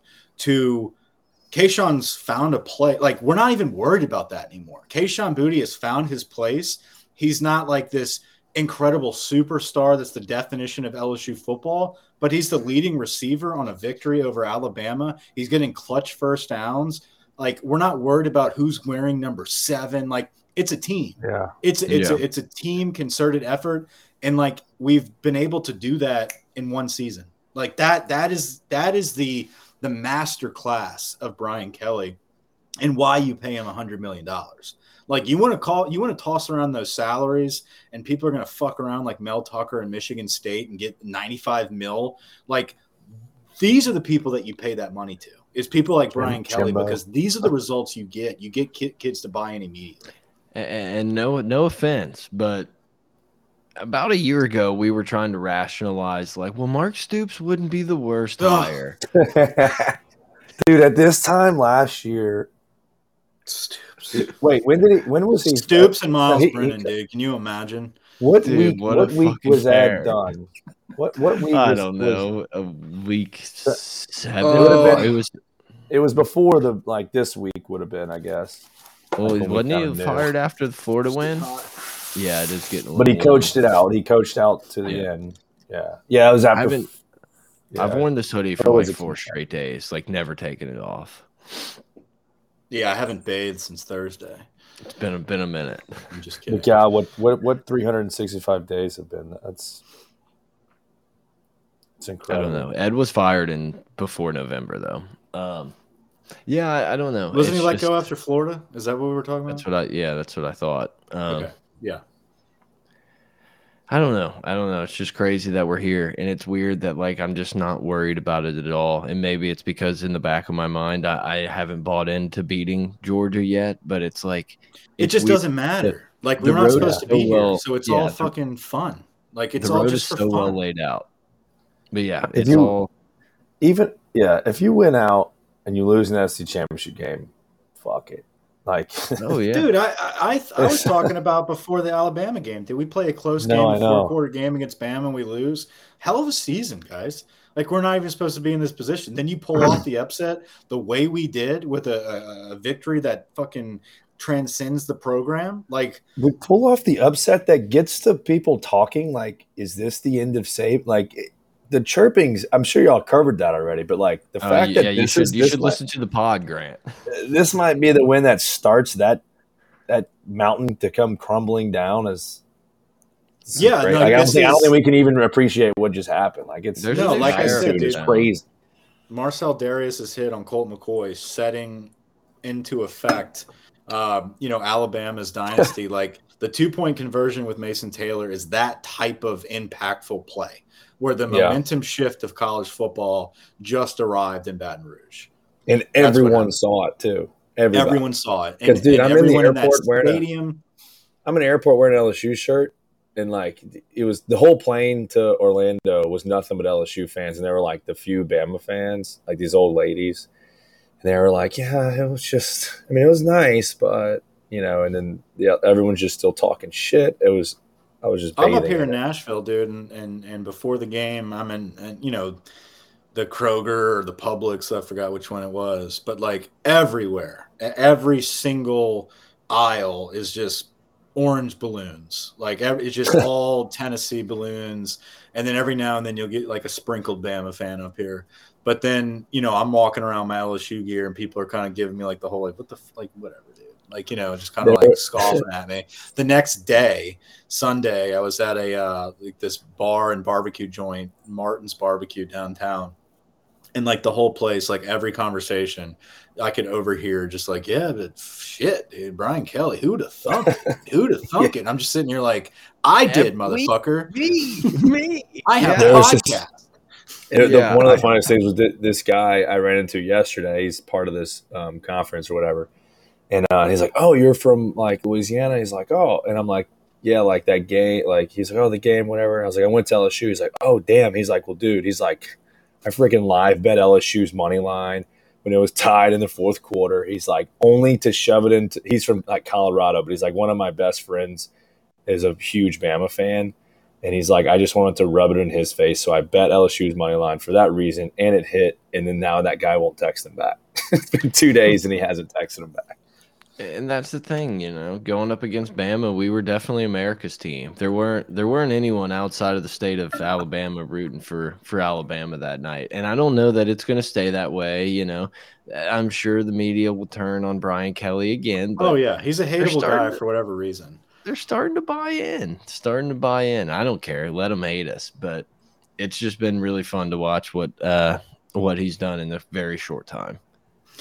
I'm sure we glossed over a ton of topics. Too much. You can't encompass um, in an hour and a half what we just experienced. I think we'll be talking about this game for the rest of our lives. You know, it's going to be one of those one of those situations where we always look back on 22 Bama and Brian Kelly's first season at LSU.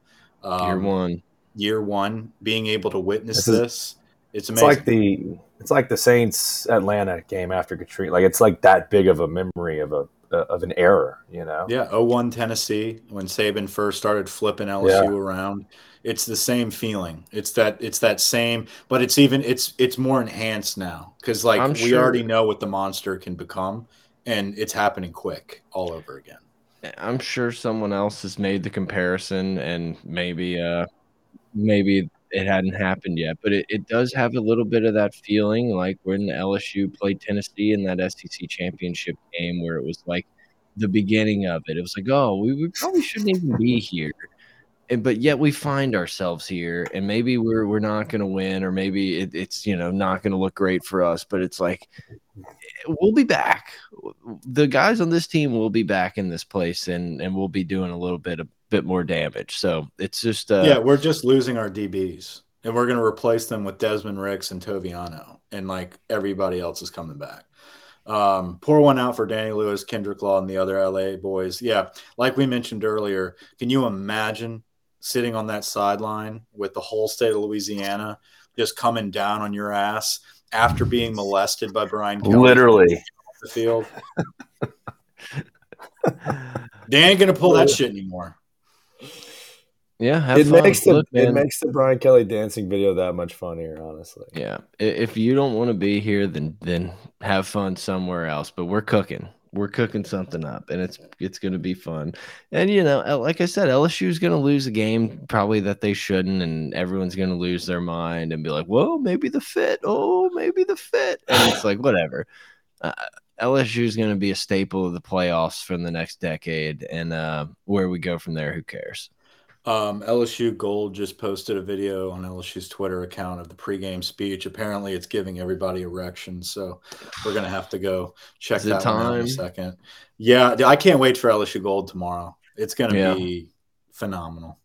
We got 20. I know they tweeted something about like I thought they may drop it early or something. I didn't see it. We got got a few people in the chat. If you have anything, post it in the chat. We'll hang out for a couple more minutes and answer some stuff that comes through unless uh unless everybody wants this to be done. Anybody, anybody at all, they hit the money line at, at plus four ten. Not too shabby. Not too Yeah, I shabby. wonder what I wonder And what part of the game was that. One of the la- one of the last things I think we ended the show, uh, the pregame show with, and I said if this game was played ten times, how many times LSU win? And both of y'all said four, and I thought y'all were crazy. And looking back at it now, I mean, I think I think it's more than five. That's right, dude. That's no. I just, I mean, no. I, I listen. The whole especially if you can count that environment. that and I that was was gonna the say, if thing, dude.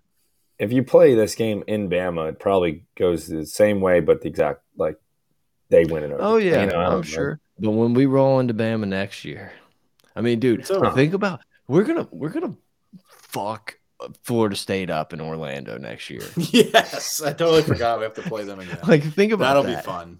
Uh, Is this is next year? No, I think 24 is the USC year. Um, but That's going to be, Yeah. yeah, dude. You like, I, I hate to say it, but I mean, Lincoln is building something at UN, USC. Like their recruiting class is solid as a rock. Um, they're gonna USC is gonna. USC is gonna be built a little bit, I think, on the house of cards. Whereas like LSU is gonna be more foundational. We're gonna dominate the trenches. yeah. I, I think USC is gonna be a little more flashy, a little bit more. We'll take Lincoln's not building a defense. We'll take your disgruntled five stars and we'll just figure it out. And those He's guys will end this- up getting pissed. Like it, it's it's It's building it's the building on a house of Oklahoma cards. with better Yeah. Yeah, with a With better more view, money. With with a with a uh, ocean view. where they're still going to lose in the semis of the playoff. I think next season, if you think about next season, like the pre-rankings, I because I think Caleb Saban's Williams, last Saban's last run. Oh, we're still talking run about was- Caleb yes. Williams. Caleb Williams is a sophomore, so I think he's coming back next year. So Yeah, you're gonna have it'll be it'll be preseason. Caleb Williams number one for the Heisman. I think Jayden, too. Stroud might be young. no but Stroud's a junior. Is he a junior? Okay, you're Yeah. right. Um, but yeah, and then Jayden's gonna be number two. Jayden Daniels and, and and Caleb Williams are going to be neck and neck for the Heisman next season, and then you're going to have I don't know the fucker from Michigan. Is it McCarthy? He'll Yeah, probably be not- up there. They'll just throw him in there to do that. it. But Bama's not going to have a dude. Ohio Ewers. State's not going to have a dude. Uh, Clemson's not going to have a dude. I mean, it might be Cole Klubnik, but I mean, he's going to have to put a put a year of work in before he's ranked that high. Ewers, so Ewers will be in there. Ewers will be in there. It'll be Ewers, Caleb Williams. Does Bo Nix have another year left?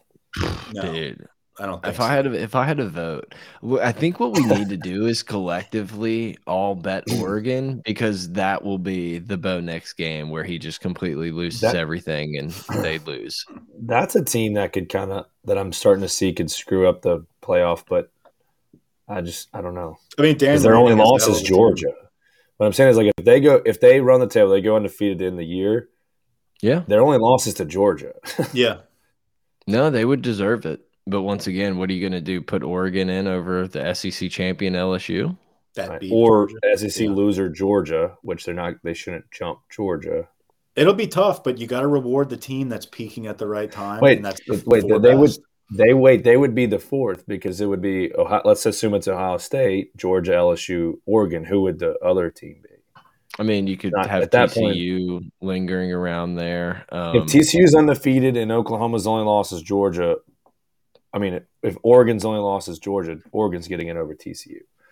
Yeah, I think. Yeah, more people just keep joining the stream. I don't know that we can end it right now. Get the question, put questions in the chat. Come on, come do you on, think they're watching live, or you think they started from? I don't. the Uh. I don't know. Maybe they did. Maybe We they. could- uh, We could kicked it track it.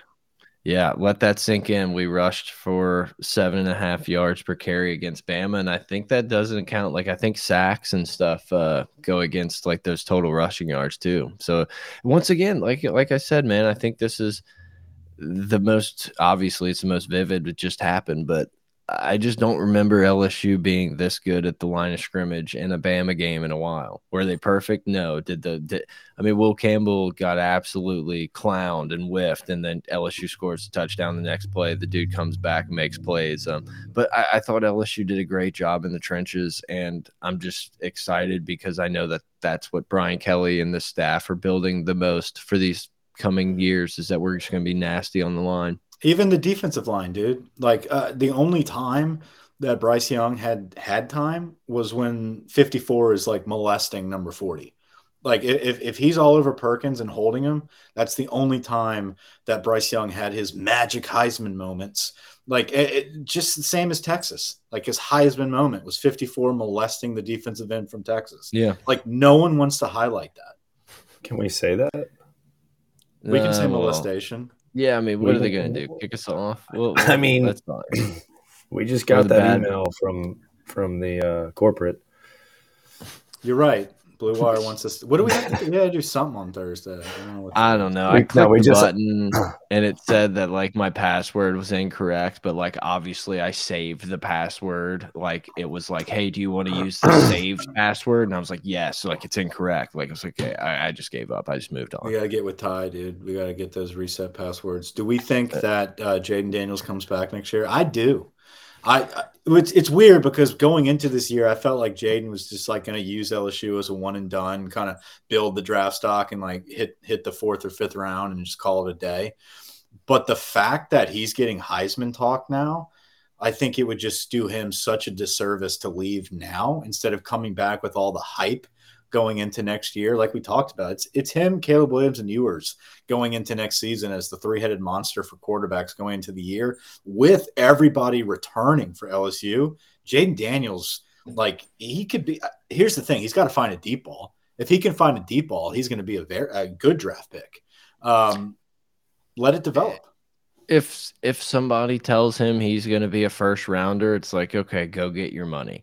I assume I assume Jayden Daniels is going to understand that coming back and and really having another year in this offense with these wide receivers could potentially put him at like a top two, three quarterback taken.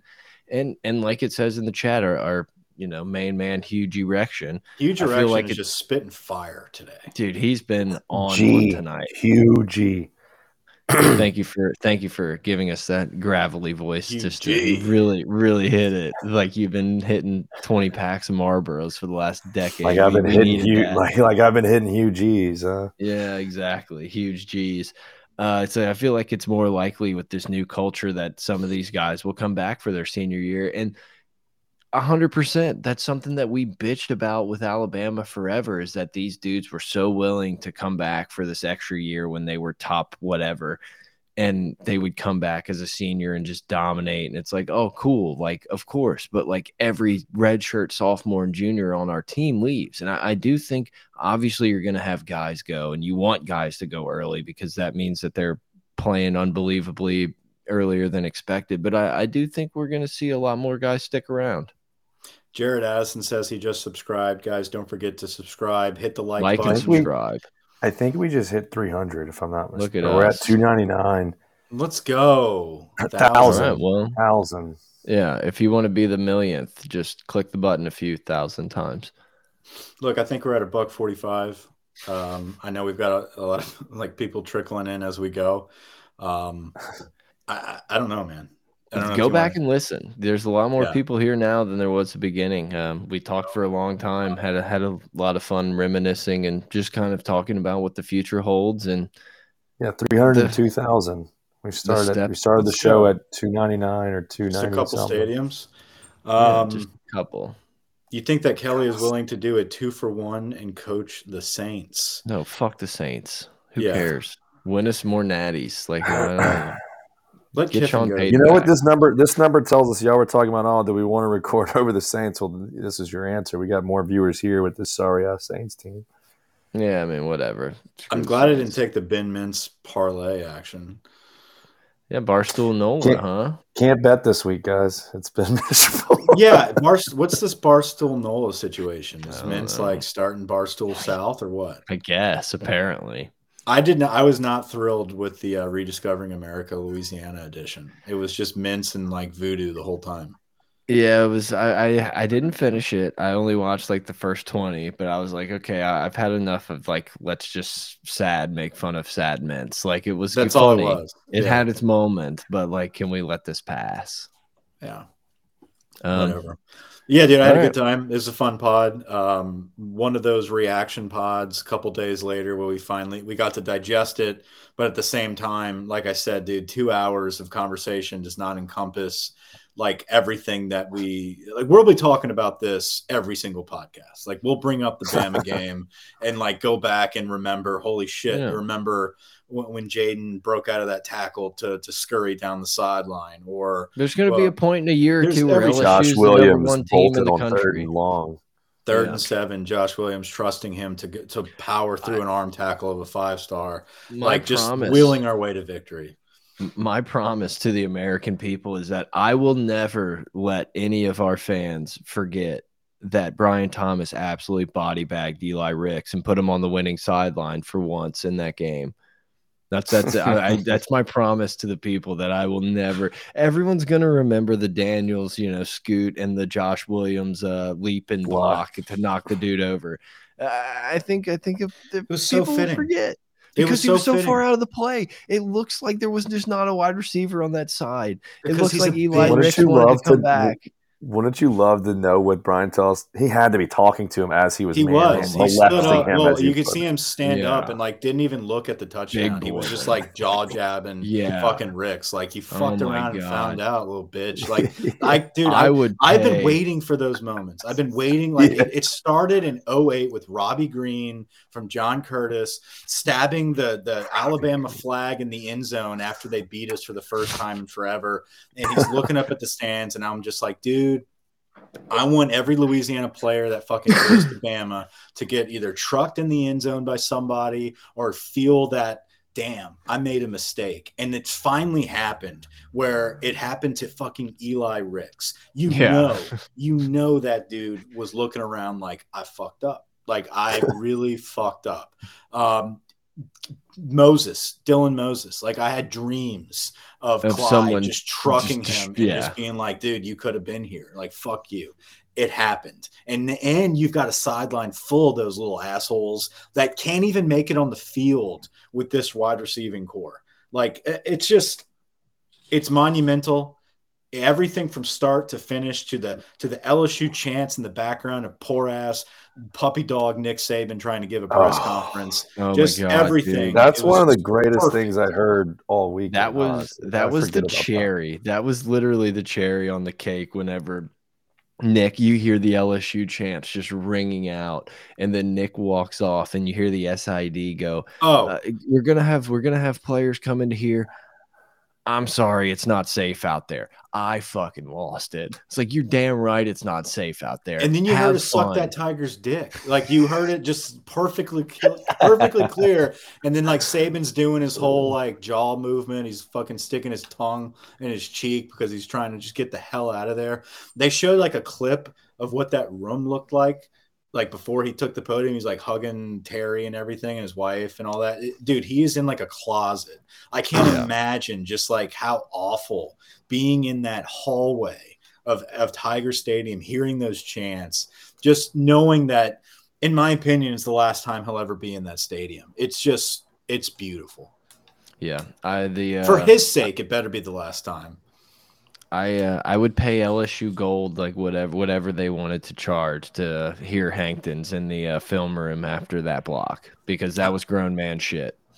Do you think anyone tried to assault a ref when they rushed the field? Like, do you think there was shit I'm telling off? you, literally, I could not stop thinking about them like trying to review that play with just hundred thousand people, with ninety thousand people on, the- field, It's never and gonna just like, yeah, like imagine if the dude just went incomplete and tried to get off the field. Imagine it, fucking No. imagine it. You know? That's what I Dude, did. I, I sent that tweet out mid game. Like the refs always do this fuckery against LSU, but it's usually like late in the game where they can fucking skedaddle. Just bail. But, but, like they pulled the curtain back like in the second quarter. I'm like, that was a bold move, Cotton.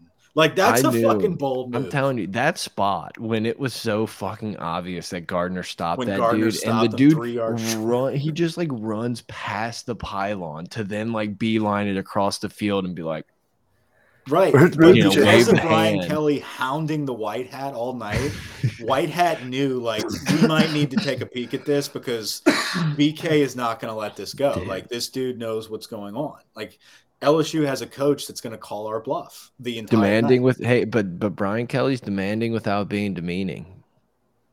Yeah, He absolutely. is, Unless you're wearing stripes. and he's and he's technical and tactical, and he's a contender in November. And he's fast, physical, and free. All right, I think that's it, boys. I enjoyed it. We, uh I think we're all pretty confident in LSU, Arkansas. Let's, uh I don't Throw know, the money down. Three- Minus three. start Let's go. Three Start- points, man. start preparing and looking for hotels in the ATL. Take the train. They're already booked. All Already right, booked. Mike, send us All right, out. boys. All right, guys. Over and out.